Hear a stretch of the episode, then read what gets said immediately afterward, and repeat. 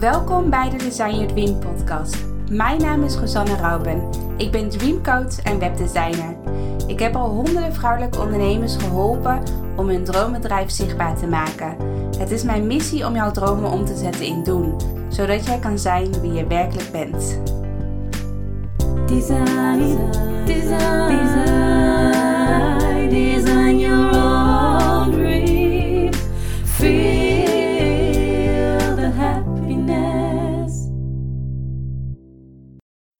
bij een nieuwe podcast van Design Your Dream. En dit is een hele speciale podcast, want ik heb echt al een aantal maanden dat ik uh, in mijn eentje de podcast opneem. Omdat ik uh, ja, in april, mei, juni volgens mij, toen had ik heel veel droomleven interviews. En op een gegeven moment dacht ik toch van, ja, ik vind het wel weer leuk om zelf weer podcast op te nemen. Dus ik ben toen gestopt met interviews geven.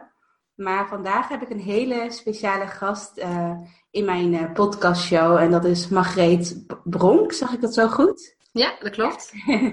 Soms dan uh, maak ik nog wel eens een fout in de naam. Maar met Margreet Bronk is ook een deelnemer van mijn Next Level programma. En Margreet is een HSP-coach. En dat vond ik sowieso heel erg interessant toen zij meedeed aan mijn programma. En toen ik haar ook ontmoette tijdens de live dagen.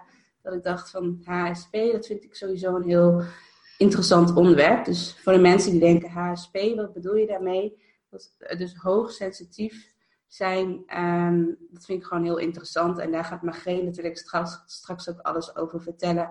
Van wat bedoel je daar nou precies mee en wanneer ben je bijvoorbeeld een HSP'er? Um, maar vandaag heb ik dus weer een interview en ik ga Margreet dus vandaag interviewen. Uh, dus voor de vaste luisteraars, die weten ook wel een beetje welke vragen ik ga stellen. Maar wat ik vooral heel erg interessant vind en waarom ik deze serie ook ben begonnen, is dat ik echt het droomleven van een ondernemer ga ontdekken. Van wat is nou echt jouw droomleven? En dat vind ik gewoon heel inspirerend om naar te luisteren. En daar kan ik zelf ook weer heel veel inspiratie uh, ja, van opdoen. En vandaag is, gaan we er net even een laagje dieper in, want we gaan het ook echt hebben over HSP zijn.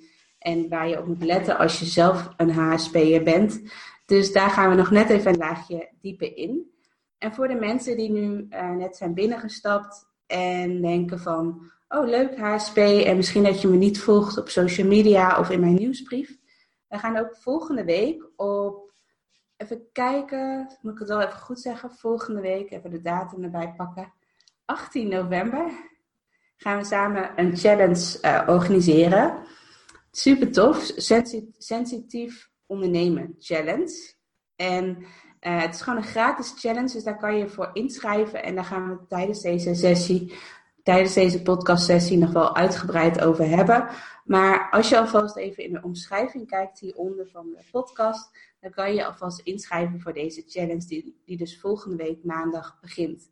Dus voel jij je een beetje, voel jij je vooral erg aangesproken door deze podcast, ook als je deze podcast hebt geluisterd, doe dan zeker mee met, uh, onze, gratis, met onze gratis challenge die ik samen met Margreet ga organiseren. Maar welkom Margreet dat, jij, uh, dat ik jou mag interviewen voor mijn uh, podcast. Dankjewel.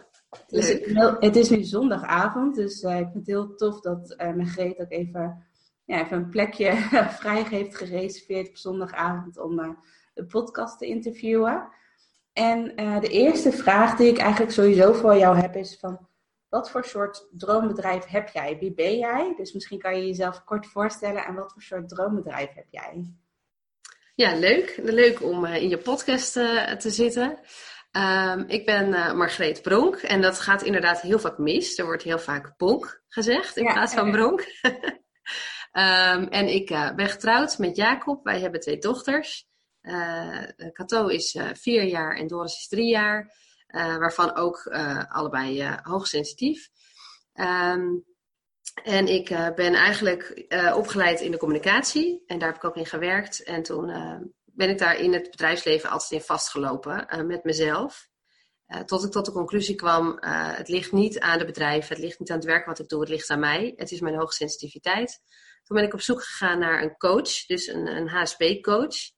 En ik kon eigenlijk niemand vinden die bij mij paste. Ik was vooral heel erg op zoek naar iemand die heel praktisch was, die heel nuchter was uh, en er positief in stond. Dus, dus vooral geen slachtoffer zijn van je hoogsensitiviteit, maar echt dat als een kracht kunnen ervaren. En daar kon ik uh, niemand in vinden die daarbij aansloot. Mm toen ben ik mijzelf gaan coachen. Ik ben een studie gaan volgen als HSP-coach. Met in eerste instantie het doel mijzelf te coachen.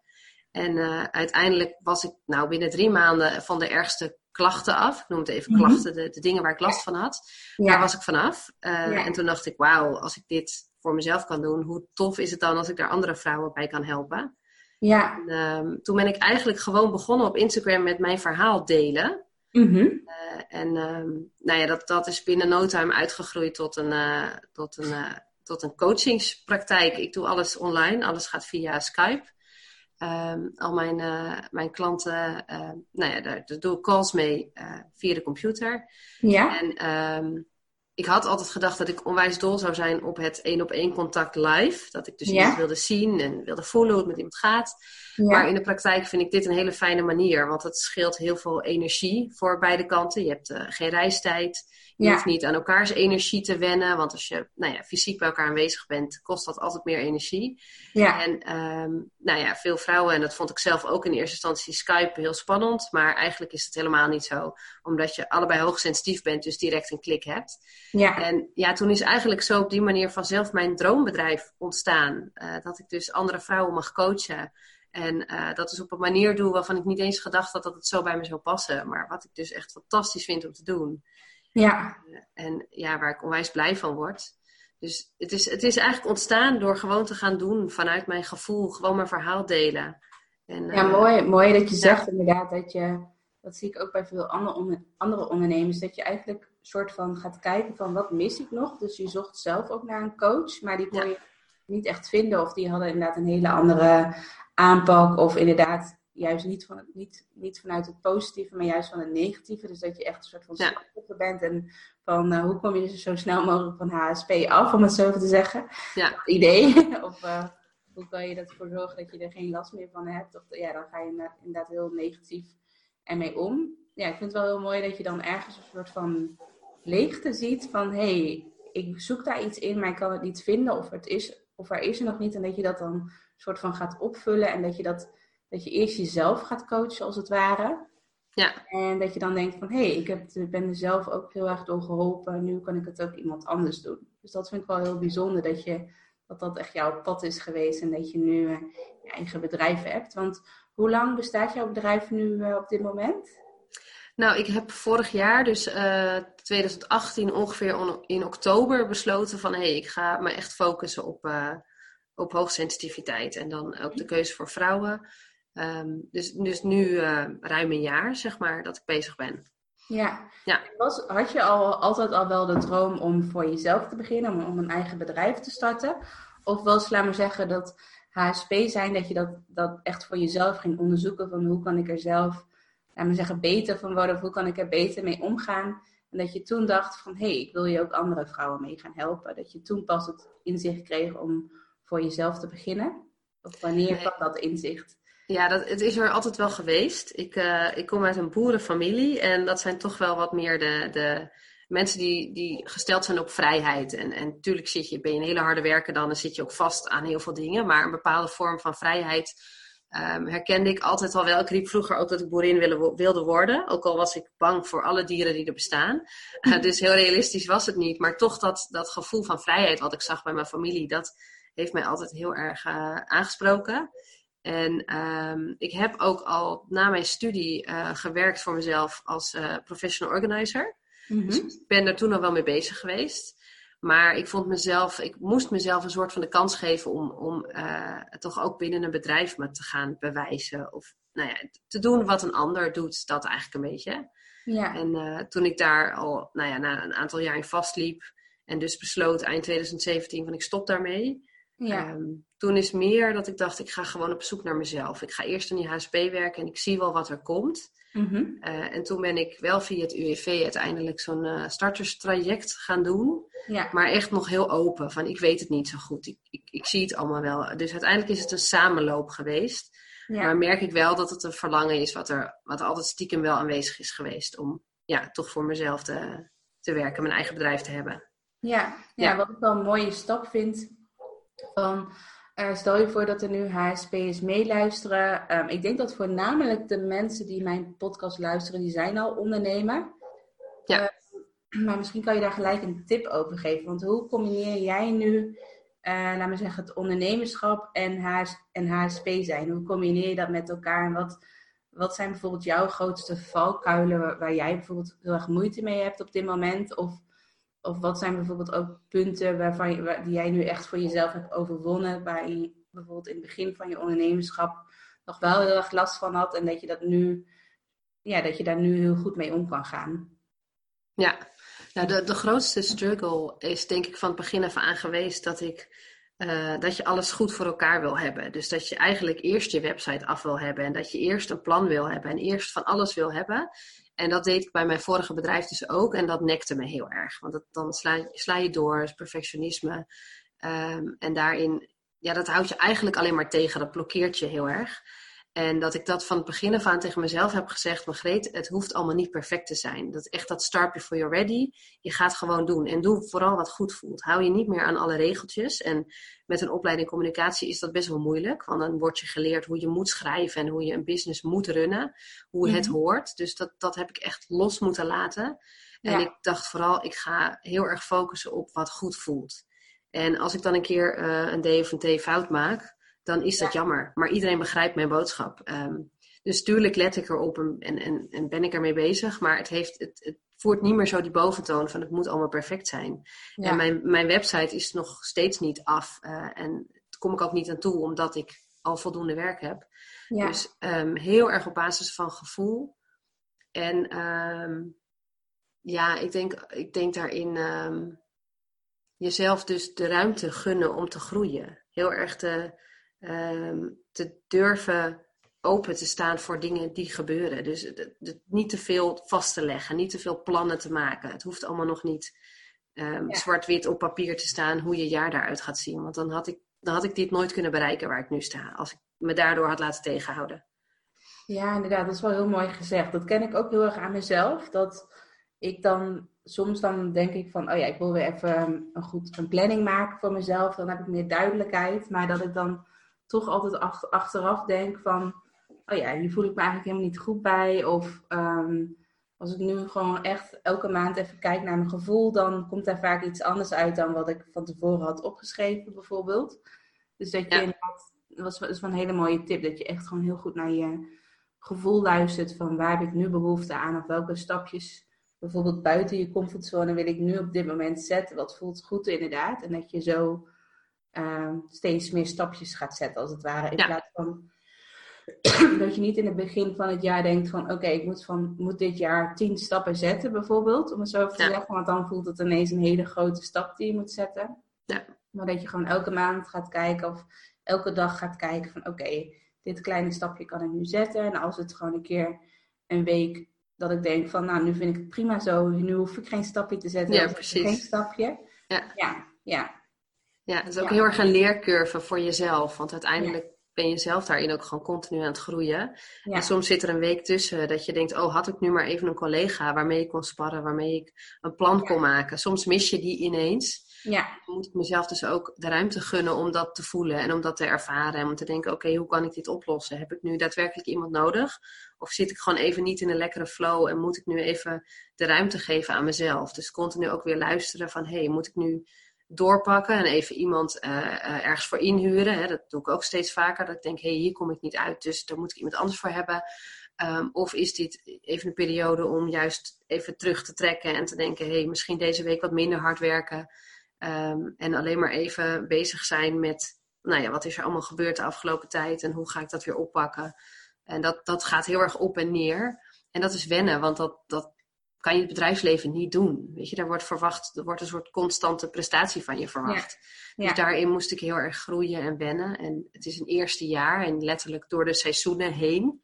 Hè, dat je merkt dat je in de zomer heel erg aanstaat, omdat het heel fijn weer is en buiten zonnig is. En nu merk ik in de herfst dat je wat meer gaat kokonnen en wat meer naar binnen gaat keren en gaat evolueren. En dat ik mezelf nu tegenover mijn man heel vaak hoor zeggen: Oh, en dit heb ik allemaal al gedaan dit jaar. En dit. En oh, wat tof eigenlijk. Echt dat evalueren veel meer. Terwijl ik merkte dat ik in de zomer veel meer vooruit aan het kijken was. Ja. Dat je letterlijk met de seizoenen meegaat, zeg maar. Ehm, en dat, dat is allemaal natuurlijk ook op basis van gevoel. Maar dat, ja, dat is wel echt een, uh, een les die ik zelf nog moet leren. Ja, mooi. Mooi. Ja, en dat perfectionisme herken ik ook heel erg. Dat, daar had ik vroeger heel erg veel last van. maar ik merk nu in de, in de, laatste jaren van het ondernemerschap ben ik dat ook steeds meer gaan loslaten en steeds beter in gaan worden. Dus het is ook echt gewoon ja, wat je kunt oefenen bij jezelf. Dat je daar gewoon minder in wordt, in je perfectionisme. Dat je, ja. dat, dat, dat, je dat, dat je dat, net zoals een spier, dat je dat ook gewoon echt kunt oefenen. Ja, ja, zeker. Ja. ja. ja. ja. En uh, mijn tweede vraag is, wat voor cijfer geef je op dit moment je, je, je, je leven, je bedrijf? Daar ben ik wel heel erg benieuwd naar. Ja, um, ja ik, ik zat er al even van tevoren over na te denken. En dan, dan ga ik toch richting de 7,5.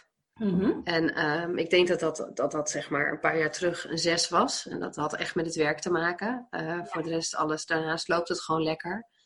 Um, maar doordat ik dat werk nu zo fantastisch vind. Nou, ik denk dat het niet eens een 6 was. Ik denk een 5. um, want ik heb echt wel momenten gekend dat ik dacht, ja, nou ja, ik vind er allemaal niet zo heel veel meer aan. Um, los van, van alles wat ik had, hè, gezonde kinderen en een man en een huis. En ik had op zich werk met leuke collega's en toch was ik gewoon niet happy. Ja. En dat ben ik nu heel erg. Ik ben nu heel blij met wat ik mag doen. En uh, heel, nou ja, ik heb daarin ook heel veel keuzes privé veel beter kunnen maken over vriendschappen en over uh, activiteiten waar je wel en niet aan meedoet, over vakanties. Ik ben alles veel bewuster gaan, gaan doen en gaan kiezen. Um, dus dat is zeker 7,5, nou ja, misschien wel een 8, uh, wat ik het nu zou geven. Ja. Ja, en wat zou je dan nu nog, uh, wanneer zou je het echt een 10 geven? Of ben je niet zo iemand die heel snel een 10, 10 geeft? Of, of, um, of wat zou er dan nog moeten veranderen? Of wat zou je nog graag willen bereiken? Um, en de, ja, daar ben ik wel benieuwd naar, dat je dan bijvoorbeeld jezelf een 10 geeft. Ja, ik denk dat die, dat die 10, dat ik die nooit zal geven, omdat het een soort van ik blijf er naar streven is. Ik wil, ja, ja ik, ik denk dat, stel ik, ik spreek nu een droom uit en ik bereik die, dan zit ik nog steeds niet op die 10. Ik denk dat, dat dan weer een andere nieuwe droom erbij komt. Ja, um, en, ja dat je altijd in ontwikkeling blijft. Ja, altijd ja. Groeien. ja. Ja, dus ik, ik denk dat als ik nog wat hoger zou gaan, dan zou het meer te maken hebben met bijvoorbeeld een, een woonomgeving, een leefomgeving. Uh, ik, ik heb nou ja, qua woonwensen best wel wat, uh, wat ideeën. En uh, dat zijn er zoveel dat ze bijna niet allemaal waargemaakt kunnen worden. Um, en ik weet ook niet of ik daar dan per se gelukkiger van zou worden. Dus ik weet niet of het dan een 9 zou worden. Ik kan dat heel erg denken van nou, als ik dan. Ik zou wat meer in het groen willen wonen, maar ik wil toch ook altijd bij een stad wonen. Ja. Um, ik wil openbaar vervoer dichtbij hebben. Nou ja, allemaal dat soort eisen, zeg maar. Ja. Uh, maar ik weet niet of ik daar dan daadwerkelijk gelukkiger van word. Ik denk dat ik het fijn zou vinden. Ja. Maar of dat echt bijdraagt aan mijn geluk. Ja. Nou ja, het is, het is natuurlijk logisch, maar de laatste jaren nog meer achtergekomen dat het geluk hem echt zit in de, de relaties die je met mensen hebt. Ja. Ik denk dat dat vooral het, uh, het allerbelangrijkste is. En dat daar vooral het geluk in zit. En de relatie met mezelf. En die was een stuk slechter. En die is nu uh, absoluut een acht waard. Ja, ja, Ja. mooi. Mooi om te horen inderdaad. Dat merk ik ook wel steeds meer hoor. Dat het, vroeger had ik echt allemaal hele ambitieuze doelen en zo. Maar dat heb ik nu ook veel minder. Omdat, je, omdat ik nu echt ook, ook al het gevoel heb van ik ben eigenlijk al heel gelukkig. Dus dat je... Ja, dat Ja. ja. Misschien was ik al heel erg zo aan het streven van, oh ja, ik wil dit nog doen, ik wil dat nog doen. Of dat ik een hele lijst op mijn bucketlist had staan, als het ware. maar ik denk dat het ook wel de leeftijd is. Dat ik nu, ik word dan nu, volgend jaar word ik 30. dus dat je dan ook weer meer anders naar je leven gaat kijken of zo. Ja. Ja, Ja. ja, nee, ja ik, wij liepen vandaag in het bos uh, en het, was, het is herfst, dus het was prachtig zonnetje en alles mooi groen. En toen dacht ik, oh, dit is echt zo mooi. En dat heb ik altijd wel gevonden, maar dat komt steeds meer binnen. Dat ik dacht, oh, je wordt ook echt een beetje oud, zeg maar. En dat denk Ja. ik natuurlijk niet met 32, maar dat je merkt van, oh, je gaat een hele andere fase in, waarin je gewoon weer gaat genieten van hele andere dingen. En waar, waar Ja. dat soort dingen dus, hè, dat ik ook merk dat ik nu meer in het groen zou willen wonen. Dat, heb, dat verlangen heb ik nooit gehad. Ja, Eh, vooral die stad heel graag dichtbij. En dat ik nu denk, oh wacht, ik zou toch ook wel iets meer... Ik heb er meer behoefte aan. Ik heb meer behoe- nog meer behoefte aan de rust opzoeken, zeg maar. Eh. Dat je daar inderdaad is ook weer zo'n fase en zo'n seizoen in je leven wat dan verandert. En dat, uh, dat je daar ook gewoon naar kan luisteren en dat dat ook nou ja, helemaal goed is. Ja, mooi. En ik ben ook wel heel erg benieuwd, want eh, onbewust in jouw verhaal hoor ik best wel mooie dingen. Inderdaad, zoals inderdaad dat je zegt dat je alleen online werkt, maar ook inderdaad dat je, wat ik van je weet, is dat je ook veel met openbaar vervoer doet. Um, Maar hoe ziet jouw ideale werkweken uit als HSP'er? Dus kan je, kan, je mee, kan je ons meenemen in jouw ideale werkweek? Ja. En kan je dan ook wat specifieke dingen omschrijven, wat bijvoorbeeld wat jou dan heel erg kenmerkt van, hé, hey, daar heb je heel bewust voor gekozen als HSP'er om het wel of niet te doen? Ja. Nou, mijn uitgangspunt is allereerst dat het gezin, zeg maar, prioriteit heeft. Eh, mhm. dus mijn uitgangspunt qua werk is dat ik er wil zijn voor de kinderen. En uh, dat betekent dat ik mijn oudste dochter, die gaat naar school en dat ik die elke dag zelf uit school wil halen. En uh, dat beperkt mij dus qua werkuren. Dus ik kan maar werken tot half drie of tot twaalf uur. Um, en in eerste instantie zag ik dat als een beperking en dacht ik, oh, ik moet misschien oppas gaan zoeken of ik moet misschien toch naar de BSO gaan doen. En nu heb ik gemerkt, oh maar wacht even, um, sowieso gaat bij mij om vier uur het lampje uit. Eigenlijk ben ik tot half drie gewoon heel actief en daarna wordt het ook gewoon minder. Uh, dus dat de omstandigheid van het gezin en het werk nu heel mooi samenkomt. En dat ik het heel fijn vind om maar tot half drie te werken. Uh, En dat ik in die, in die uren die ik werk eigenlijk meer doe dan dat ik deed bij een baas van half negen tot vijf. Ja. Um, en dat is dus ook ochtends zo. Dat ik wel, uh, voor mij was het een vereiste. Ik wil niet meer om half negen ergens op kantoor verwacht worden. Uh, ja. Dat gaf heel veel druk bij mij. En dat gaf ik ook weer over aan mijn kinderen. Dus mm -hmm. altijd aan haasten en snel moeten eten. En, en nou ja, alles hup hup. En nu um, nou, werk ik vanaf negen uur. Dus ik kan rustig mijn dochter naar school brengen. Rustig naar huis. Nog even wat opruimen. Dingen klaarzetten voor mijn werk. En dan begin ik om negen uur met werken. Nou, dat, dat is al onwijs ontspannen. Dat geeft al zoveel rust. En uh, dat ik bij wijze van spreken in mijn pyjama mijn dochter naar school kan brengen. Omdat ik niet ja. klaar moet zijn. Ik moet niet uh, iets hebben. En uh, op een gegeven moment heb ik daar ook de keuze in gemaakt dat ik ook niet om negen uur begin met coachen, maar pas om tien uur. Zodat ja. ik tussen negen en tien een periode heb om uh, of mail te doen of iets administratiefs of social media. Maar ook dat als ik dan een mindere dag heb, hè, soms heb je als HSP van die dagen dat je opstaat dat je denkt, nou, dit gaat hem gewoon niet worden. Maar ik ja. heb wel afspraken staan um, om te coachen mm-hmm. door laten gaan, want daar voel ik me dan goed genoeg voor. Dan denk ik, oké, okay, dat uurtje tussen 9 en 10 is gewoon voor mezelf. En ga ik gewoon even lekker ontspannen en even een boekje lezen of een podcast luisteren of even niks doen. Um, en dan, dan kan ik dus dat uur ook gebruiken om te ontspannen, waardoor ik dan vanaf 10 uur gewoon mijn coaching kan gaan doen. Ja. Maar zo, zo moet ik steeds weer ontdekken bij mezelf, hey, welke tijden passen er bij je? Welke uh, manier van werken past erbij. Nou, net zoals dus dat ik erachter ben gekomen dat ik via Skype eigenlijk heel fijn vind. Ja. Um, want als ik het, dat, die coaching thuis deed, dan moest ik zorgen dat heel mijn huis netjes was. En dat gaf ja. dan ook weer stress en kostte heel veel tijd en energie. Um, die ik eigenlijk veel liever in de mensen wil steken. En door het via Skype te doen, kan ik dat doen. Dus voor mij zijn dat al voorwaarden. De tijden waarin ik werk en de manier waarop ik werk. Um, ik denk dat de, dat de energie ook heel, heel anders is dan als je echt iemand naast je hebt zitten of via Skype bijvoorbeeld, dan heb je toch ja. een soort van veilige afstand, om het zo even te zeggen. Ja. Vooral ook als HSP'er natuurlijk, wat, wat dan al gauw een valkuil is van HSP, is dat je heel erg de energie van iemand anders echt gaat overnemen. Ja. Van, oh ja, je voelt dat hij niet lekker in zijn vel zit en dat je, dan, dat, je dat dan helemaal gaat overnemen. Of dat je uh, helemaal uh, in de huid van iemand wil kruipen, laat me zeggen. Ja. Want dat merk ik ook ik heb dan uh, nog wel, nou ja, niet heel vaak, maar af en toe heb ik dan wel nog live dagen samen met klanten. Uh, ook wel één op één. Maar ik merk altijd wel dat ik ben echt altijd gewoon helemaal leeg aan het eind van de dag. Ja, ja. Dan, uh, dus dat is altijd wel mijn valkuil. Dat ik dan, ik probeer dan altijd zo min mogelijk in te plannen in mijn agenda die week. Als ik bijvoorbeeld op donderdag uh, een lijfdag heb, dat ik dan op vrijdag bijvoorbeeld gewoon thuis ben. Dat ik niet dan ook nog andere afspraken heb. Uh, en op woensdag bijvoorbeeld ook. Maar dan soms dan lukt het niet in mijn agenda. En dan merk ik dat wel echt. Dan moet ik echt in het weekend echt gewoon bijkomen. Ja. Van uh, een aantal dagen. Ja. Ja. Dus want hoe doe jij dat? Is het gewoon, is het gewoon zoals HSP'er van dat je daar ook gewoon een beetje, ja, dat je dat moet accepteren dat, dat het gewoon zo is. En dat je dat gewoon ook ja, rekening moet houden in je agenda. Dat je het niet te vol gaat proppen voor jezelf, om het zo even te zeggen. Of heb je daar ook nog tips voor? Het is een beetje een combinatie. Ik, ik zeg altijd accepteren is zeg maar een eerste fase. Accepteren dat dingen zo zijn. Maar mhm. je kunt wel ook een volgende stap en een volgende fase daarin ingaan. En dat je dat dus gaat gebruiken voor je in plaats van uh, tegen je. En um, dat je dus heel erg gaat leven met dat, dat ritme, dat dat bij je past. Alleen, we zijn heel erg een andere norm gewend van de mensen om ons heen, van hoe anderen dat doen. En als ik dan kijk naar mijn eigen man, die gewoon vijf dagen kan werken en het allemaal volhoudt en in het weekend ook nog kan shinen. Uh, als ik me daar steeds naast ga leggen, um, dan ga ik denken dat ik het niet oké doe. Uh, terwijl als je op een gegeven moment accepteert, maar daarna ook weet van oké, uh, maar het werkt voor mij zo. En dat is ook echt helemaal prima. Dat mag ook gewoon. Um, er is nou eenmaal 20% van de mensheid waarvoor het ook zo werkt. Dat, dat, dat, dat, mag je helemaal volledig omarmen.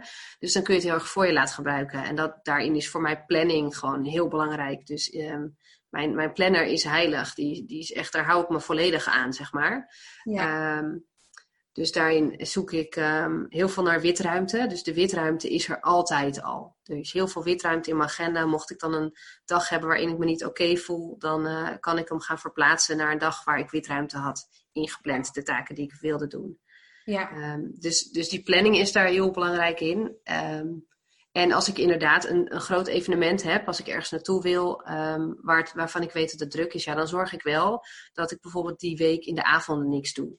En dat ik de dag ervoor wat rustiger aandoe en de dag daarna wat rustiger aandoe. Maar dat zie ik niet meer als, oh, ik moet dan rustig aandoen. Doordat het zo in mijn planning verweven is, is dat helemaal normaal geworden. Is dat mijn norm geworden. Waardoor, de, waardoor het niet meer een vorm van acceptatie is, maar gewoon zo, zo is. Het, is. het is een feit. Het staat vast dat, dat, dat dat moet, zeg maar. Um, en dat dat helemaal fijn is en helemaal oké okay is, juist. Ja. Ja, mooi. En je, hebt het, je zegt inderdaad witruimte, want hoeveel, hoeveel, hoeveel uur is dat ongeveer gemiddeld per week dat je, laten we zeggen, witruimte hebt voor jezelf? Ik denk dat je het beter om kan keren hoeveel uur. Sorry? ongeveer. Dan, ja. Want ik denk dat het heel herkenbaar is voor veel ondernemers, dat ze dan denken, witruimte, wat bedoelt ze daar? Ja, ik snap wat je daarmee bedoelt, maar is ja. bijvoorbeeld elke dag een uurtje bijvoorbeeld? Want je zegt inderdaad tussen 9 en 10 kan je echt zelf bepalen wat je doet. Dus of je gaat je mail bijvoorbeeld doen, maar je kan ook bijvoorbeeld zeggen, ik ga nog even op de bank liggen bijvoorbeeld, of wat dan ook. ja. Ja, die, het is eigenlijk meer nog andersom van welke uren zijn wel ingepland. Ik uh, plan gewoon zo min mogelijk in. Ik werk op dit moment twee dagen. Mm uh, ik werkte drie dagen, en de, maar mijn, mijn jongste ging drie dagen naar het kinderdagverblijf en we merkten dat het te veel werd. En uh, nou ja, het, eigenlijk werd mijn werk alleen maar drukker. Dus was was de keuze om haar dan thuis te gaan laten niet praktisch. Maar omdat zij prioriteit nummer één is, het gezin, was gewoon meteen heel duidelijk: oké, zij gaat een dag naar huis, dan ga ik een dag minder werken. En ja, dat heeft gevolgen. Um, maar die, ja, ik, ik kan niet anders kiezen dan voor haar op dat moment. Dat moet gewoon gebeuren. Ja. Dus ik heb uh, twee dagen dat ik werk tot half drie. Mm -hmm. uh, en daarbuiten zorg ik bijvoorbeeld dat ik twee avonden in de week wat ingepland heb en de rest van de avonden niks. En uh, die plan ik wel in met wat ik wil doen op een avond. Wil ik een filmpje kijken, wil ik een boek lezen of wil ik werken? En uh, die, die staan dus echt ingedeeld ook van wat wil ik welke avond doen. En het is helemaal niet dat ik dat dan moet van mezelf. Maar dan heb ik ongeveer bedacht hoeveel avonden ik waar aan wil besteden.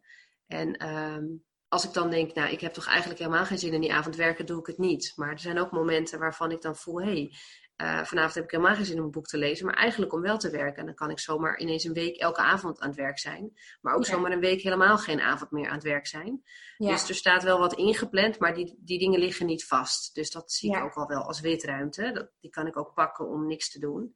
Ja. Um, ik heb natuurlijk overdag wat minder witruimte, omdat de kinderen gewoon veel thuis zijn. Um, maar ook daarin kan ik zelf, heb ik me, mezelf geleerd om de rust te pakken en om niks te doen. En op het moment dat ik dan uh, um, op een werkdag dus me minder voelde en iets niet gedaan heb wat wel moet gebeuren die week, dan zeg ik op een andere dag tegen mijn kinderen: joh, jullie gaan lekker knutselen. Ik pak even mijn laptop erbij. Ik kom wel bij jullie zitten, maar ga ik wel even, even wat doen voor mijn werk. Ja. En dan is dat ook prima, zolang het maar niet gebeurt vanuit: oh, ik, ik vind toch dat ik moet werken. Uh, want ja. dat wil ik vooral voorkomen. Dat uh, want dat is natuurlijk een valkuil voor alle ondernemers, dat je maar bezig blijft. En dat wil ik dus niet. Dus het is alleen op het moment dat ik zie in mijn agenda, hé, hey, ik had eigenlijk dan iets willen doen. of eigenlijk doe ik dat op het moment zelf al. Als ik zie van, hé, hey, vandaag ga ik dit niet halen, dan plan ik dat direct op een ander moment in. Ehm, dus ik, ja, als mijn kinderen thuis zijn, dan plan ik ook bijna nooit iets af met, spreek ik bijna nooit wat af met andere mensen. Dan hou ik dat ook allemaal open om te kijken van, is er ruimte om even wat te werken of niet? Of ga ik toch wat leuks met ze doen? Uh, dus dat is voor mij ook weer ruimte, dat gewoon open houden. De weekenden altijd maar één dag wat plannen en niet beide dagen. Ja, ja, ja. En heb je, als je dan soms wel het gevoel, gevoel hebt dat je te overprikkeld bent bijvoorbeeld, of dat je toch inderdaad een iets volle agenda hebt gehad, wat, wat doe je dan om weer, om, weer, ja, om weer rustig te worden, om weer te ontspannen? Heb je daar bepaalde manieren voor? Of wat werkt voor jou heel fijn? Nou, het eerste wat ik dan toch weer doe, is die planner pakken. Dat is bij mij altijd het ding wat ik doe. Dus ik ga direct kijken hoe ziet volgende week eruit. Ja. Er zijn er avonden die ik kan verschuiven. Dat ik afgesproken heb dat ik toch moet gaan verschuiven. Dus dat is hm. praktisch gezien doe ik dat. Um, en voor mezelf ter ontspanning betekent dat dan vaak gewoon uh, uh, dat ik zeg: ik ga vanavond op de bank zitten en ik ga een boekje lezen, of ik ga muziek luisteren, of ik ga een filmpje kijken. Um, uh, of enkele keer laatst ben ik in mijn eentje de stad ingegaan, heb ik alleen gegeten, ga ik alleen naar de bioscoop, omdat ik dan wel even wat wil doen, maar, met, maar dat er niemand. Um, mijn man begint te lachen. um, dat er niemand verder. Um, wat ik, dat ik, ja, bij mij is het vooral heel belangrijk dat niemand op dat moment wat van mij verwacht. Dus ik, ik wil dan het liefst zonder mensen om me heen. Of zo, in ieder geval dat niemand iets van mij wil. Dat je eigen pad ook kan bewandelen, als het ware. Dat als je van, oh ja, ik ga lekker naar de bioscoop. En dan mag ik zelf gewoon de film uitkiezen die ik wil. En dan ga ik daarna nog even een hapje eten. Of dat je denkt van, oh ja, ik heb zin om dat te kopen bijvoorbeeld. Dan dat je gewoon je eigen dingen, zonder dat iemand zegt van oh ja, moet je dit wel doen? Of uh, zullen we niet naar deze film gaan? Ja, ja, ja. ja, ja. ja precies. rekening mee houden. Ja. Ja, en als het echt op een dag gebeurt dat de kinderen er zijn en ik merk van, oh, ik zit er een beetje tegenaan, dan ga ik ook heel vaak even douchen. Dan zeg ik tegen ze, nou, jullie gaan even lekker spelen. Um, op het moment dat ik namelijk onder de douche ben, merk ik altijd dat dan kan je even rustig worden en even alles weglaten uh, uit je hoofd. En de, kinderen, de kinderen kunnen fysiek niet aan je gaan hangen of dichtbij je komen, zeg maar. Je, je creëert echt even een afstand. Ja. Uh, zonder dat ik dus dan boos hoef te worden of iets. Zeggen we, nou, jullie gaan lekker spelen.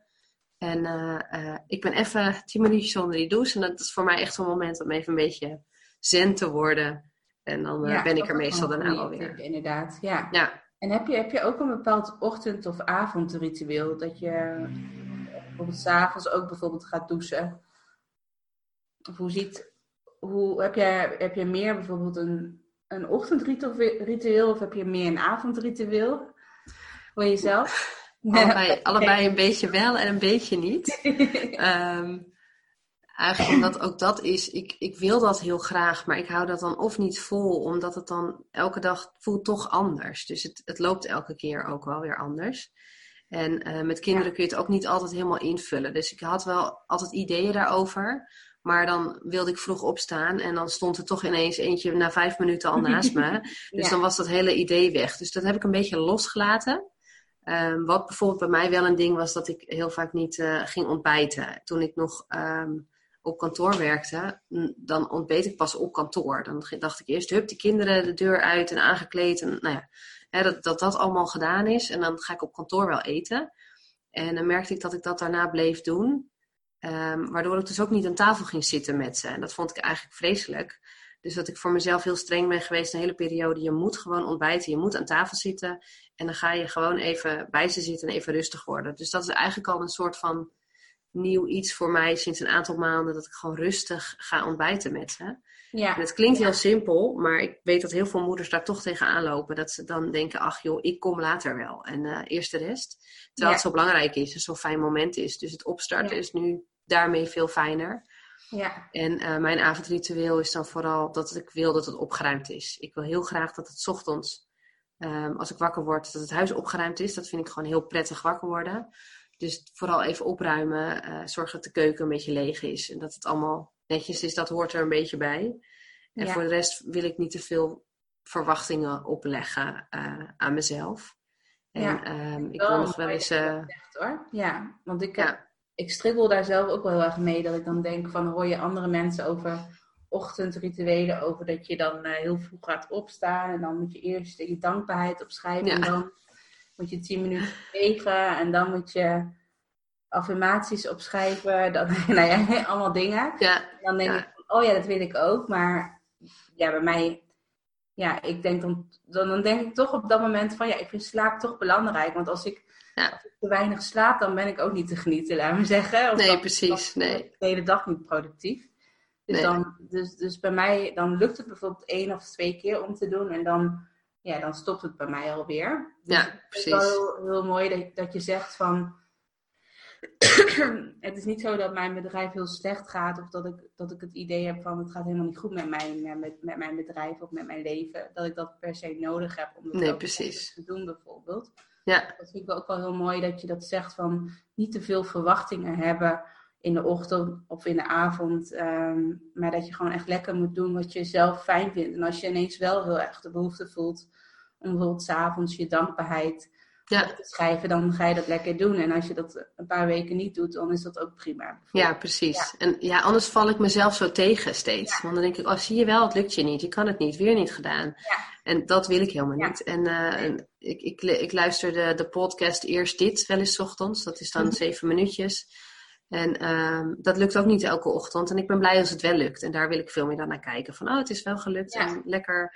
Eh. Maar niet zo als ik het dan niet gedaan heb van, oh, het is weer niet gelukt. Want dan, dan wordt het veel meer een negatieve vibe. En dan gooi ik het dus veel liever op de praktische dingen. Zoals dus dat ontbijten. En zorgen dat, dat we het Ja. ochtends gewoon gezellig met elkaar hebben. En dat ik die meiden rustig kan aankleden. En rustig naar school kunnen. En Ja, daar nemen we wel de tijd voor. We zijn eh, daarin echt wel heel relaxed. ja, En dat vind ik dan veel belangrijker. En dan denk ik, nou, Ja. misschien komt er ooit een tijd als ze groter zijn of de deur uit zijn, dat ik eens ga kijken van, joh, wat wil ik dan doen, s ochtends. Maar voor nu vind ik dat echt al, eh, ja, echt mooi genoeg en prima zo, ja. Ja, Ja. ja. mooi. En ja, ik heb je natuurlijk leren kennen via mijn eh, online programma Next Level. En voor de mensen die denken van Next Level, wat is dat precies? Ehm, ik heb, laat me zeggen, twee programma's. Ik heb mijn eerste programma dat gaat over hoe maak je je droomwebsite. En mijn tweede programma gaat over eh, hoe maak je een online programma, hoe maak je een online academie. En ehm, ja, de volgende vraag eigenlijk die ik voor jou heb, want, want Margreet heeft dus meegedaan met mijn Next Level programma en is momenteel ook bezig om haar eigen online academie te maken. Een eh, academie voor HSP'ers. En ik vroeg me eigenlijk af, waarom ben je begonnen met een online programma als HSP'er? Waarom denk je dat het ja, een voordeel is voor HSP'ers om ook bijvoorbeeld echt ja, te verdiepen in online ondernemen, in een online programma en een online academie? Ja, nou, allereerst geloofde ik gewoon heel erg in die, die focus leggen op één ding. Dus eh, niet van alles willen doen, want ik krijg van heel veel mensen te horen: waarom ga je ook niet mannen coachen? Waarom niet ook kinderen? Waarom ga je niet ook dit of dat doen? En ik geloof gewoon heel erg in juist die focus op, op, op één ding. Eh, Ja. Dus dat was voor mij al heel belangrijk. Van oké, met met, met, met dat programma kan ik zeggen: oké, daar, daar coach ik vrouwen mee. Mhm. En eh, nou, dat programma bestaat, gaat dan bestaan uit video's met werkboeken erbij, die vrouwen thuis eh, gewoon kunnen volgen.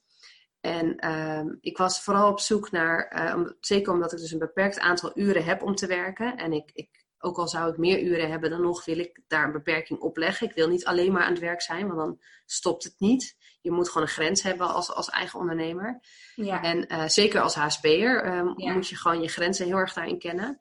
En met zo'n programma zou ik aanwezig kunnen zijn zonder dat ik zelf fysiek altijd aanwezig hoef te zijn. Ja. Ehm, dus ik, ik kan dat programma kunnen vrouwen kopen op het moment dat ik bij wijze van spreken op vakantie ben. ja. Eh, of dat ik dus met mijn kinderen eh, iets aan het doen ben. En dan kunnen ze toch nog mijn coaching ontvangen. Eh, dus dat was voor mij de motivatie van hey, op die manier ehm, scheelt het heel veel ehm, energie van mij. En kan ik toch veel meer vrouwen helpen dan dat ik nu kan in die beperkte aantal uren die ik heb om te coachen. Op dit moment moet ik nee verkopen als vrouwen gecoacht willen worden. En ehm, dat zou ik waarschijnlijk blijven doen. En op het moment dat ik dat programma kan aanbieden, hoef ik geen nee meer te verkopen. Dus kan ik heel veel vrouwen helpen, waarbij ik zelf ook wel de rust heb. Dus dat Ja. was voor mij de voornaamste naamste reden. En ik geloof ook voor heel veel. ehm, ik heb mezelf natuurlijk gecoacht en ik geloof dat heel veel hoogsensitieve vrouwen zichzelf daarin kunnen coachen, maar dan door middel van dat programma. Eh, dus dat ze zelf heel veel kunnen. Ik geloof onwijs in die kracht van dat, eh, dat zelfbewustzijn wat ze hebben. En dat Ja. je echt een beetje je eigen psycholoog kan, kan zijn, eh, als je maar bewust daarvan bent. En eh, eh, daarvoor kiest, dan, dan is het gewoon een hele mooie manier. Want op het moment dat jij coaching bij mij ontvangt, maar je zit eigenlijk zelf niet zo lekker in je vel, of je hebt niet zo goed geslapen, dan wil je toch de afspraak nakomen. En op het moment dat jij een, een online programma volgt, kun je zeggen: hé, hey, maar vanavond voel ik me niet lekker, dus doe ik het niet. En ehm, de avond daarna voel je je misschien heel lekker. Ja, ja, helemaal je eigen ritme daarin. En op je eigen plekje en op je eigen moment. En zeker voor HSP is dat gewoon heel fijn. Dat je, je gaat in je keukentafel zitten, je gaat bij wijze van spreken in je bed zitten, kopje koffie erbij en uh, het lekker op je eigen tempo en je eigen manier doen. Ja, ja, en je hebt ook geen last van andere energieën, inderdaad. Nee, nee. Je kan ook helemaal even naar binnen keren. Want dat merk ik ook heel erg met mijn uh, programma. Bijvoorbeeld als je een website gaat bouwen, dat adviseer ik ook altijd van. Um, om het zelf te doen, omdat je dan echt helemaal naar binnen kan keren en de vragen die je hebt, uh, je ook echt jezelf gaat coachen daarin. Van hey, wat wordt mijn droomaanbod? Ja. Uh, wie wordt mijn ideale klant? Welke kleuren ga ik gebruiken? Uh, hoe ziet mijn logo eruit, et cetera? Wat worden de prijzen? Ja, ja precies. vragen die je zelf moet stellen als je bijvoorbeeld je eigen bedrijf of je eigen website ja. uh, gaat bouwen. En als je dat bijvoorbeeld uh, laat doen door een webbouwer of door een, dat je een business coach ook vraagt om bijvoorbeeld mee te helpen met je bedrijf opbouwen, dan heb je inderdaad ook sowieso het energie van iemand anders weer. Ja. Omdat, en die, diegene kan bijvoorbeeld ook heel dominant zijn, bijvoorbeeld, of heel erg um, een webbouwer die dan zegt van ja, ik ben een webbouwer, dus ik heb er verstand van, dus de website moet er zo uitkomen. Precies. Ja. En dat je dan denkt van oké, okay, uh, hij zal wel gelijk Ja. hebben, want hij is de expert. Ja. En, um, ja, en dan laat je dus inderdaad heel snel over je heen lopen, om het zo even te zeggen. Dus dat je je eigen grenzen daar niet meer in kan dat je het zo niet meer ziet als het ware. Dat je denkt van ja, diegene zal wel gelijk hebben. Ja, precies. Ja. Ja, ik vind het ook heel fijn dat je dan die website mee kan laten groeien met jezelf. Omdat ik Ja. dan, ik, ik heb echt wel dat ik dan ineens denk, oh maar wacht, dit wil ik toch eigenlijk erop hebben. Of dit vind ik fijn. En ik heb mijn tarief heb ik in het begin ook heel erg mee gespeeld. En gooide ik gewoon op en neer. Dat ik dacht, ja, ik kan het allemaal, ik mag dit zelf bepalen. Ja, Um, en ik kan het gewoon doen. En daar, daar kun je dan gewoon mee spelen. En dan denk je, oh wacht, net dat woordje of dat dingetje. Dat kun je allemaal zelf aanpassen. En zo'n website groeit dan met je mee. En Ja. um, het is heel fijn om, om een website te hebben met de informatie die nodig is. Maar als ik het volgens een webbouwer had gedaan, die had gezegd: je moet dit erin, je moet dat erin, het hoort zus, het hoort zo. ja, En ook heel erg van ja, anders krijg je geen klanten. Nou, die klanten kwamen dus even goed wel, omdat ik gewoon op die website had staan wat ik belangrijk vond. En ik Ja. ben zelf um, uh, mijn doelgroep ook een beetje. Ja. Dus ik weet heel goed wat komen ze daar zoeken, wat hebben ze nodig. ja, Um, en dat je dat gewoon heel erg inderdaad ook kunt aanpassen. En dat dat niet is zo van nou, het hoort op deze manier. Dus dat vind ik ook heel fijn. En die website is bij mij nog lang niet af. Dat staat ook nog op de planning om die na mijn programma weer op te gaan pakken. Ja. Maar het is heel fijn dat elke keer als ik iets bedenk of als iemand een tip geeft, dat je er meteen dat kunt gaan aanpassen daaraan. Ja, dat vind ik echt top. Ja, ja. Ja, ik merk ook heel erg bij mezelf, want toen ik nog websites zelf bouwde, ehm, toen was ik eigenlijk nog niet met HSP zijn bezig. Ik wist ook nog niet precies wat het betekende. Maar ik had wel altijd, ik had wel altijd ik, als ik het voorbij zag komen, vond ik het wel altijd heel interessant. Als ik van dat soort filmpjes voorbij zag komen. Maar ik merkte heel erg bij mezelf dat toen ik nog websites zelf bouwde, dat ik het toen echt heel erg druk had met klanten. Omdat uh, klanten altijd zeiden van, hé, hey, jij begrijpt mij heel goed. Of ik hoef eigenlijk alleen maar een verhaal Ja. te doen en te laten zien wat ik mooi vind. En dan kan jij het gewoon gelijk vertalen naar een website. Dus dat Ja. ik gewoon maar een paar dingetjes nodig had van de klant. En dan kon ik dat direct al vertalen. En toen dacht ik al wel van, is dat een bepaalde kracht? Of ja, ik wist niet zo goed wat ik, wat ik er zelf van vond. Maar als je dan nu gaat terugkijken van wat, wat de kracht is van een HSP'er, denk je dat ik het toen al heel erg heel goed aanvoelde van de energie van de ander. En, en dat is denk ik ook wel, ook wel weer mijn, uh, hoe zeg je dat, zwakte geweest of valkuil geweest. valkuil, ja. Dat ik daar dan iets te diep, uh, Ja, dat ik dan op een gegeven moment daar mijn eigen grenzen niet meer in kon aangeven. Dat ik eigenlijk alleen maar nog met rekening met andere mensen aan het houden was, maar niet Ja. meer met mezelf. Dus toen ben ik, ehm, en ja, maar dat is mijn hele, mijn hele verhaal, dat ga ik nu niet vertellen. Maar toen ben ik dus ook begonnen met mijn Design Your Dream programma. Zodat ik weer echt een programma heb van, oké, hier ben ik echt de baas over. Ehm, hier wil ik deelnemers voor krijgen. En dat je er gewoon weer controle op hebt. En dat je niet het Ja. gevoel hebt dat klanten je agenda bepalen. als het precies. ware. Ja, ja. ja. Ja, dat je echt, jij, jij, ja, je bedrijf werkt voor jou en niet jij werkt voor het bedrijf. Ja. En het mooie is dat, dat, weet je, je geeft nu ook aan, aan de ene kant is het je kracht, maar ook je valkuil. Dat geldt eigenlijk voor al die, die eigenschappen die erbij horen. Ja. Um, maar dat je toch wel evengoed nog die energie uit blijft stralen. Want dat is de reden waarom ik voor jou heb gekozen.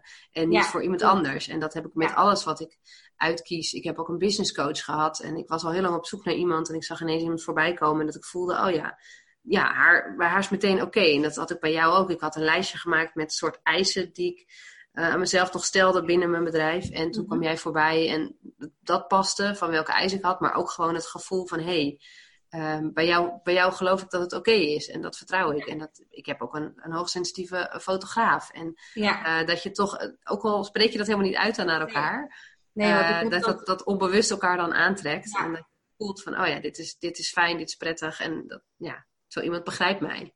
Ja, ja. dat is wel heel grappig. Want dit, dit, is echt de eerste keer nu met deze challenge dat ik het ook echt uh, zo communiceer naar buiten.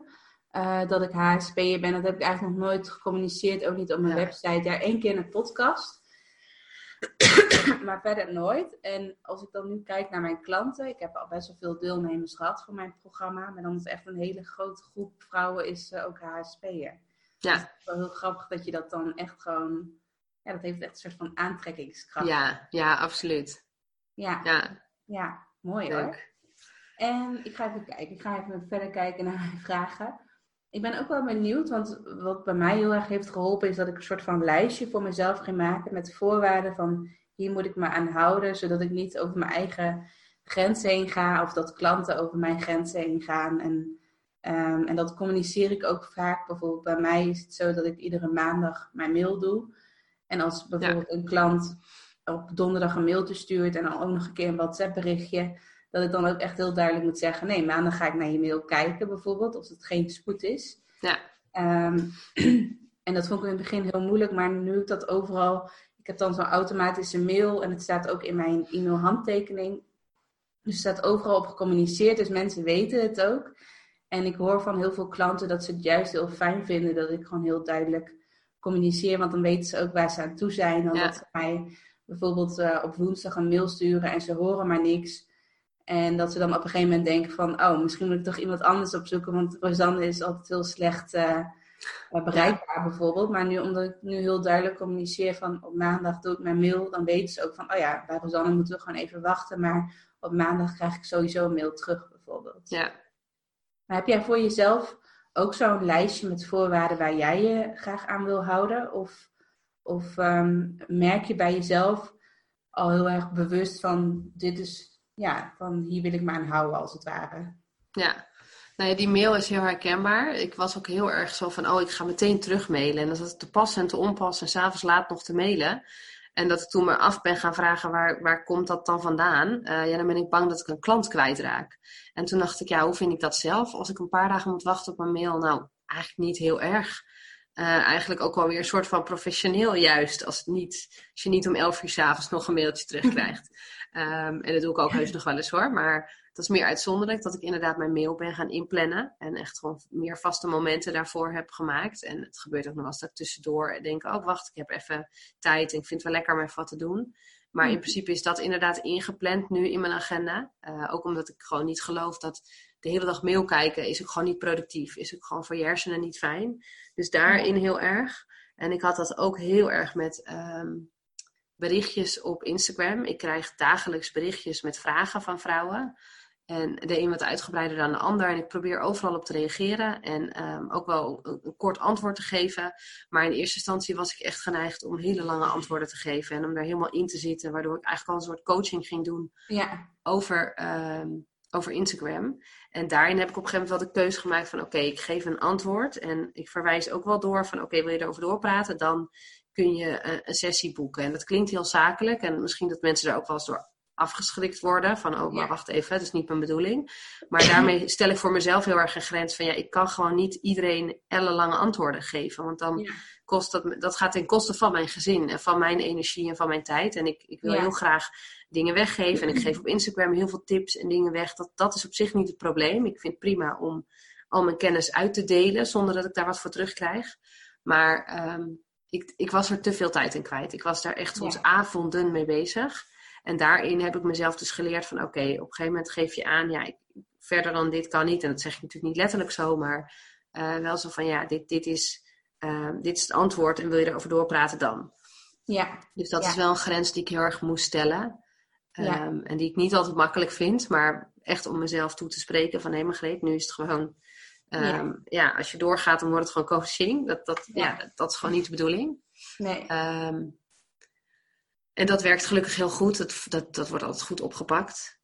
Dus daarin, en ik denk dat ik daar ook steeds een beetje naar op zoek ben. Van oké, waar ga je dan nu een grens in stellen? En wat ga je dan uh, wel en niet doen? En ik had bijvoorbeeld met de coaching ook dat ik um, de een naar de ander had. En dat ik op een gegeven moment mhm. dacht, ja, maar er moet gewoon een half uur tussen zitten. Er moet gewoon bij elke klant een half uur tussen zitten. En ik, uh, ik coachte tot half drie en dan moest ik direct op de fiets springen om mijn dochter op te halen. Nu coach ik tot twee uur. Dus dat ik heel erg daarin steeds grenzen moet stellen.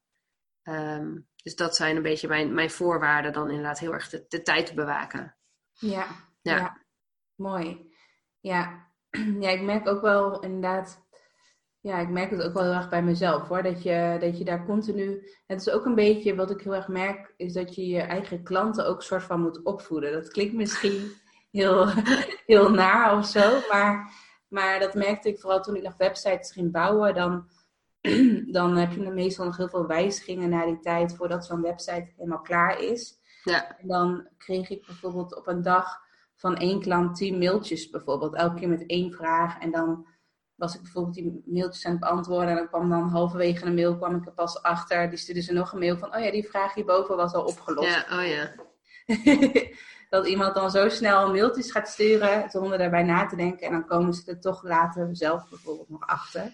Ja. Dus wat ik bijvoorbeeld één regel die ik voor mezelf heb gemaakt, of regel, ik weet niet hoe je dat moet noemen, maar als ik bijvoorbeeld een VIP-dag met een klant heb, dan dan zeg ik altijd van oké, dan plan ik aan het einde van de VIP-dag plannen we samen een Skype-sessie in. En dan zeg ik tijdens die Skype-sessie mag je nog al je vragen stellen. Dus alle vragen die je in de komende weken waar je tegenaan loopt, dat schrijf je in je boekje. Zodat je alles uh, bij de hand hebt. En vaak heel veel vragen die, uh, die, uh, die, um, die worden vanzelf alweer opgelost als je ermee bezig gaat. Ja. En ik heb dan met mijn Design Your Dream programma heb ik dan een community waar je ook vragen kan stellen in de Facebookgroep. Waar mijn VA dan op zit. Dus als je echt technische vragen hebt, kan je ze ook daar nog stellen. Ja. Maar daardoor heb je niet even dat heen en weer gemail van, oh ja, ik heb deze vraag. oh ja, ik ben hier vandaag daarmee bezig geweest. En dat je, ja, dat, dat is wel echt een grote les van mij geweest. Dat ik dacht van, ja, ik moet gewoon mijn klanten een soort van opvoeden. Van zo wil ik graag te werk gaan. En ja, ja zo gaan we te werk, om het zo te zeggen. Ja. ja, dat je echt even moet uitleggen hoe het werkt en wat handig is. Ja, en dat moet je bij jezelf ontdekken, zoiets. Ja. Klopt, en dat is, dat is echt puur door ervaring hoor. Ja. Dan op een gegeven moment dan ben je er gewoon helemaal klaar mee. En dan denk je, het kan ook, kan, kan ook makkelijker. En dat je dan ja, precies. zelf een makkelijkere optie eh, gaat bedenken. Ja. ja. Ja. ik heb inderdaad ook op een gegeven moment zo'n veelgestelde vragen op mijn website aangemaakt. Ja. Uh, en ik vind het niet heel vriendelijk klinken om daarnaar door te verwijzen, maar het scheelt mij heel veel tijd. En ik, ik was altijd aan het uitleggen waarom via Skype fijn is. Want heel veel vrouwen geven aan dat ze dat spannend vinden. En dat was ik continu aan het uitleggen. En toen dacht ik, ja, maar dat kan ik beter um, uh, gewoon op mijn website gaan zetten. En dan ze daarna ja. doorverwijzen. Want anders blijf ik de hele tijd hetzelfde antwoord typen. En dat, dat kost heel veel tijd. En uh, uh, ik wil heel graag ja, contact hebben met klanten. En heel graag contact hebben met de, met de mensen. Ja. Maar als het continu hetzelfde antwoord is, dan. Uh, en dat is met het programma hetzelfde. Dat ik heel veel tijdens de coaching hetzelfde aan het vertellen was. Dat ik dacht, hé, hey, maar wacht even, als ik dit ga opnemen, dan kan ik het aan heel veel vrouwen tegelijk vertellen. Ja, uh, dus dat je gewoon ja, wat praktischer insteek dan krijgt. Ja, klopt. Ja. En um, ik wil een beetje langzaam wil ik gaan afronden, want je hebt echt al heel veel vragen uh, beantwoord. En, um, maar ik ben wel heel erg benieuwd, want je bent natuurlijk bezig met je eigen academie. En je vertelde dat je waarschijnlijk in 2000, begin 2020 dat je je programma gaat lanceren. Ja. En kan je daar misschien iets meer over vertellen van hoe jouw plan in 2020, want ja, je vertelde net al, je, je denkt niet te ver vooruit, maar misschien gewoon heel kort iets vertellen over wat je plan is voor 2020. Ook rondom je programma en waar, je, waar gaat je programma precies over en voor wie is het programma echt geschikt? Ja, Ja, ik uh, wil het inderdaad begin van uh, volgend jaar 2020 gaan uh, lanceren. De bedoeling was om het um, eigenlijk in het najaar te doen. Maar ik heb gewoon veel te veel ja gezegd tegen, tegen coachingsklanten. Mm Waardoor ik niet de ruimte heb gekregen om het, om het voldoende te maken. En ik wil het wel gewoon dat het goed in elkaar zit. Dus ja. dat wordt 2020. En uh, de, deze deze, dit programma is echt gericht op de basis. Dus je hebt de sensitiviteit, je bent erachter gekomen en je wil uh, daar gewoon goed mee om leren gaan. Je wil echt met jezelf leren dealen en het gaan accepteren en kijken van op welke manier kan ik daar zo optimaal mogelijk mee functioneren. Dat gaat dan over uh, nou, communicatie met andere mensen erover, over werk, over planning, over hoe wil je dat je leven eruit ziet. Uh, over prikkels, nou dat is de basis, daar begint het eigenlijk. Hè, van wat zijn voor jou uh, de, de, positieve en negatieve prikkels? En dat woord prikkels is altijd al een beetje, heeft een negatieve lading, maar ja, er is ook niet veel anders van te maken dan om het prikkels te noemen. Mm -hmm. En daar geef ik dan ook overal wel een positieve uh, kijk op, want ik zie het allemaal gewoon op een positieve manier. Dus het gaat heel erg over positief naar je hoogsensitiviteit gaan kijken. Ja. Um, en aldoende dat ik het programma aan het maken ben, merkte ik, hé, hey, ik wil eigenlijk nog een stap verder gaan, maar dat doe ik nog niet in dit programma, maar dat hoop ik dan dus daarna nog te gaan doen. En dan een programma maken, een, nou ja, een HSP Academie Plus, zeg maar, van hoe ga je het echt je kracht maken. Dus hoe ga je, wat ik heb gedaan, dus echt zorgen van, hé, hey, ik, ik liep er tegenaan en nu doe ik het, gebruik ik het in mijn voordeel en zie ik het eigenlijk alleen maar als een cadeautje. En ja. hoe zorg je ervoor dat het echt je kracht gaat worden? Dat je het echt gaat uitbuiten en dat je het echt voor je gaat laten werken. In ja. plaats van uh, tegen je. Dus waar het eerste programma wat ik nu aan het maken is echt is van joh, ik wil grip krijgen op die hoogsensitiviteit. Is die volgende dus van hé, hey, maar ik wil er ook nog meer uit gaan halen uh, ja. wat erin zit. Ja. Um, dus die kant um, uh, hoop ik dan ook nog, nog op te gaan. En ik zou heel graag iets van een twee of driedaagse willen organiseren. Waarin ik met een aantal vrouwen in Nederland. Want ik, nou, het is heel veel in het buitenland, wat heel leuk is. Maar ik wil altijd zelf heel graag iets in Nederland. Dus alle mm -hmm. dingen waar ik heen wilde, was altijd heel ver weg. En dat vind ja. ik uh, zelf, ik vlieg niet, dus dan vind ik het onpraktisch. En ook gewoon met mijn gezin niet heel handig. Nee. Ik zou heel graag iets in Nederland met een groep vrouwen. Uh, dat je echt elkaar ook een boost kan geven en elkaar kan, kan ondersteunen daarin. Uh, ja. Omdat ik zie dat HSP-vrouwen elkaar steeds meer opzoeken. Uh, maar als dat weinig doel heeft, of het doel is alleen maar elkaar ontmoeten, dan wordt het al heel snel een soort lotgenotengroep. En uh, ik heb het zelf al één keer uitgetest, maar dan wordt het wel heel veel delen met elkaar. En dat is mooi en ook fijn om met elkaar te delen. Maar je moet verder komen dan dat. Uh, want ja. anders ga je te veel zitten in, dat heb jij ook. Oh, nou ja, dan, dan zal het wel zo zijn. Terwijl ik zo graag juist die stap verder wil maken van het is ja. zo. En hoe zorg je ervoor ja. dat het voor je gaat werken? Dus dat ik dat met een groep vrouwen onder begeleiding zeg maar, van mij uh, kan gaan doen. Dus dat zijn de ideeën voor volgend jaar die er nu liggen.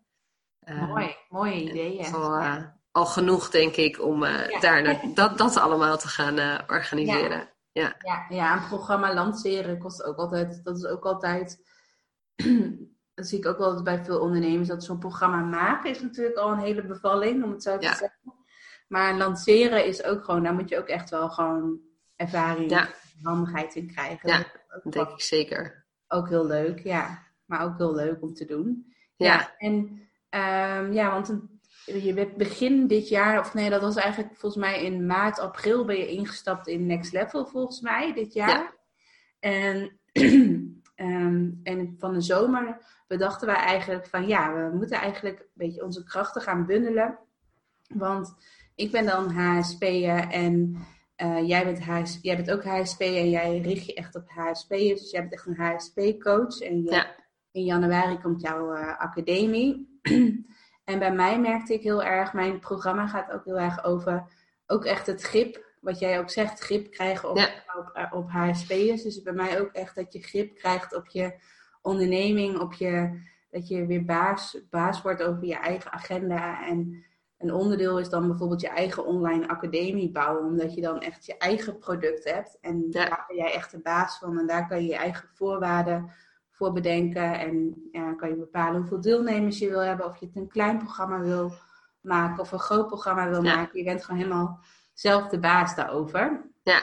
En daarom dachten we van ja, dat is super mooi om dan de krachten te bundelen, omdat ik in het verleden, uh, mijn bedrijf bestaat al bijna acht jaar dat ik eigenlijk tegen zoveel hobbels en obstakels uh, tegenaan ben gelopen. En ook weer voor mezelf heb opgelost.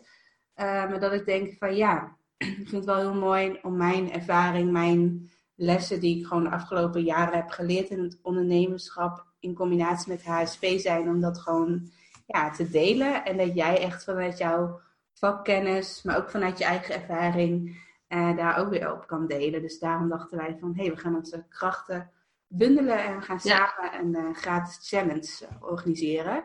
Ja. Dus, ja, de Sensitief Ondernemen Challenge. Ja. Um, dus ja, voor de mensen die, die nu meeluisteren en denken van wow, wat, je, wat allemaal is verteld. En ik voel me zo herkenbaar ook wat Margreet allemaal heeft gezegd. En dat je je echt in kan verplaatsen in het HSP zijn. Dan zou, ja, dan, uh, zou ik zeker aanraden om mee te doen met de challenge. Het is gewoon helemaal gratis en je kan het ook in je eigen tempo volgen. Dus um, ja, je kan het gewoon lekker doen wanneer je zelf... Uh, inspiratie voelt om, uh, om het filmpje of het werkboek te kijken, dan kan je het gewoon lekker in je eigen tijd gaan doen. Dus er zit verder geen druk of iets achter. Um, en misschien nog wel een leuke laatste vraag, of in ieder geval, of ja, niet echt een vraag, maar stel je voor dat er nu nog luisteraars meeluisteren en denken van, ja, ik weet niet zeker of deze challenge voor mij uh, geschikt is. Of dat ze nog twijfelen of ze bijvoorbeeld wel HSP zijn of niet. Heb je daar misschien nog een tip voor? Um, wat ze dan kunnen doen om zeker te zijn van oké, deze challenge is wel of niet geschikt voor mij? Um, ik denk dat je als je ondernemer bent of ondernemer wil worden, dat je er sowieso wat aan hebt. Of je nou uh, ehm, HSP'er bent of niet. Omdat iedereen een bepaalde mate van sensitiviteit heeft die je, die je in kan zetten in je bedrijf. En ja dus ik denk dat het daar dat het sowieso geschikt is. Je kunt altijd even op internet gaan rondsnuffelen van hey, ben ik nou hoogsensitief of niet? Maar het mooie is, denk ik, van onze krachten gebundeld samen, dat uh, jij inderdaad al heel veel jaren ervaring hebt. Ik al uh, jaren ervaring heb met struggelen met hoogsensitiviteit en daar oplossingen in, in zoeken. En um, dat, dat je dat dus niet in je eentje hoeft te gaan zitten doen. Dat je gewoon door, um, door van ons de, de, lessen te horen, dat je, dat je zoveel sneller kan gaan dan hoe wij die lessen hebben geleerd. Dat wij, wij, hebben, het, wij hebben ze al, al die struikelblokken gehad. Ja. En uh, nou ja, die, die kunnen we je helpen voorkomen of op een, op een kortere manier ontdekken in ieder geval. Ja. Dus ik denk dat dat heel zinvol is om, uh, om daar mee te doen met de challenge. Ja, mooi. Ja.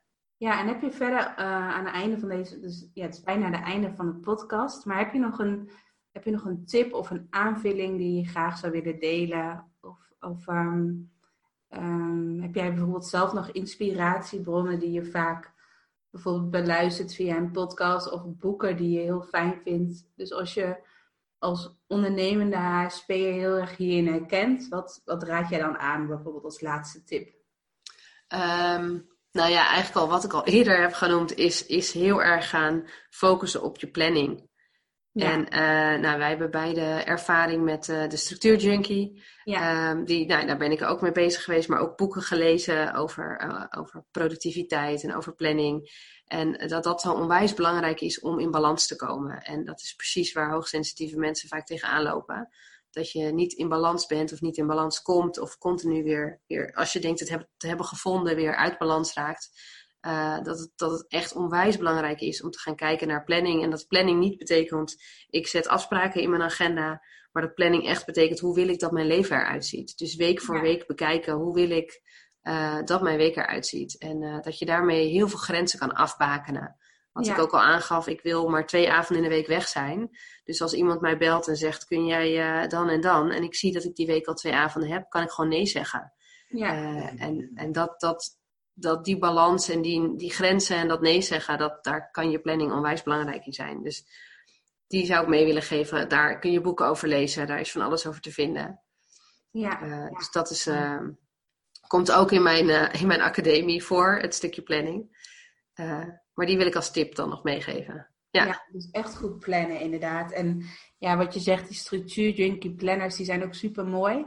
Maar ja. ook heel um, uh, maar ook sowieso Cynthia van Structuur Junkie ook zeker volgen, want die deelt daar heel veel tips over, over planning uh, en structuur. En ik heb haar ook uh, een tijdje geleden geïnterviewd. Dus als je denkt, tof, ik wil meer doen met structuur en planning, dan zou ik zeker de podcast met Cynthia beluisteren. Ja. En ze is ook hoogsensitief. ja, ja, ze komt ook in mijn programma terug en ik in haar programma. Dus dat is ook een Ja. ja, het is wel heel grappig inderdaad. Ja, ik heb ook wel eens een blog van haar gelezen over hoge, hoogsensitiviteit. Ja. Dus Ja. als je, denk ik, HSP, eh, Cynthia googelt, eh, kom je wel op haar blog. Ja. Ja.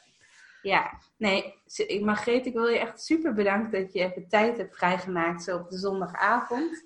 Graag gedaan. Superleuk. Dat het echt een heel mooi eh, interview of een heel, hele mooie podcast wordt. Dus ik ga hem straks, ik denk morgenochtend ga ik monteren en dan kunnen de eerste mensen genieten van onze podcast. Ja, leuk. Ja, dus heel erg bedankt. En voor de mensen thuis, nou ja, ik zou sowieso niet meer twijfelen en inschrijven voor de challenge. Ehm even kijken, sensitief. Volgens mij is het sensitief ondernemen. Even kijken of ik de, moet de URL even goed zeggen. Sensi ja, sensitiefondernemen.nl.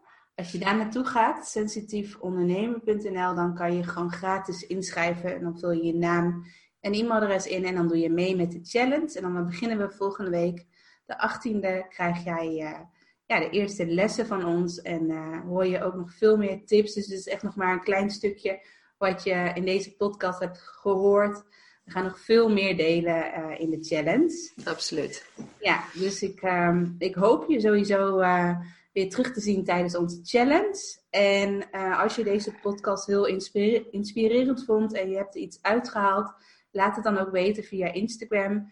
Eh, maak eventueel een printscreen van deze podcast en deel hem in je Insta Stories. En vergeet dan ook niet ons te taggen. Eh, mijn naam is uh, rosannarouwen.nl. En wat is jouw naam op Instagram? Uh, dat is Margreet Bronk, HSP-coach. Oké, ja. Nou, sowieso. Um, ik heb Margreet vandaag ook nog weer getagd. Maar ik tag morgen in, uh, als je mij op Instagram volgt. Uh, dan zie je ook wel de podcast en de stories verschijnen. Dus dan kan je zeker ook Margreet gaan volgen. Want ik ga sowieso daar nog in taggen in mijn stories als deze podcast online komt. Uh, maar voor nu wens ik jullie allemaal nog een hele fijne dag. En um, ja, mijn tip is ook, ga, kijk, check ook echt even voor jezelf nu in van, hé, hey, waar word ik nou echt nog vrolijk van? Wat voelt zwaar? En dat je gewoon echt elke dag hele bewuste keuzes gaat maken en heel erg goed gaat kijken naar je eigen grenzen en je eigen regels. Waar wil jij, ja, hoe wil jij graag leven? En niet hoe, hoe wil een ander graag leven, maar vooral hoe wil jij graag leven? En uh, ja, Margreet, wij spreken elkaar heel snel weer. Ja. Uh, en dan uh, wens ik jullie allemaal nog een hele fijne dag. Doei doei! Doeg!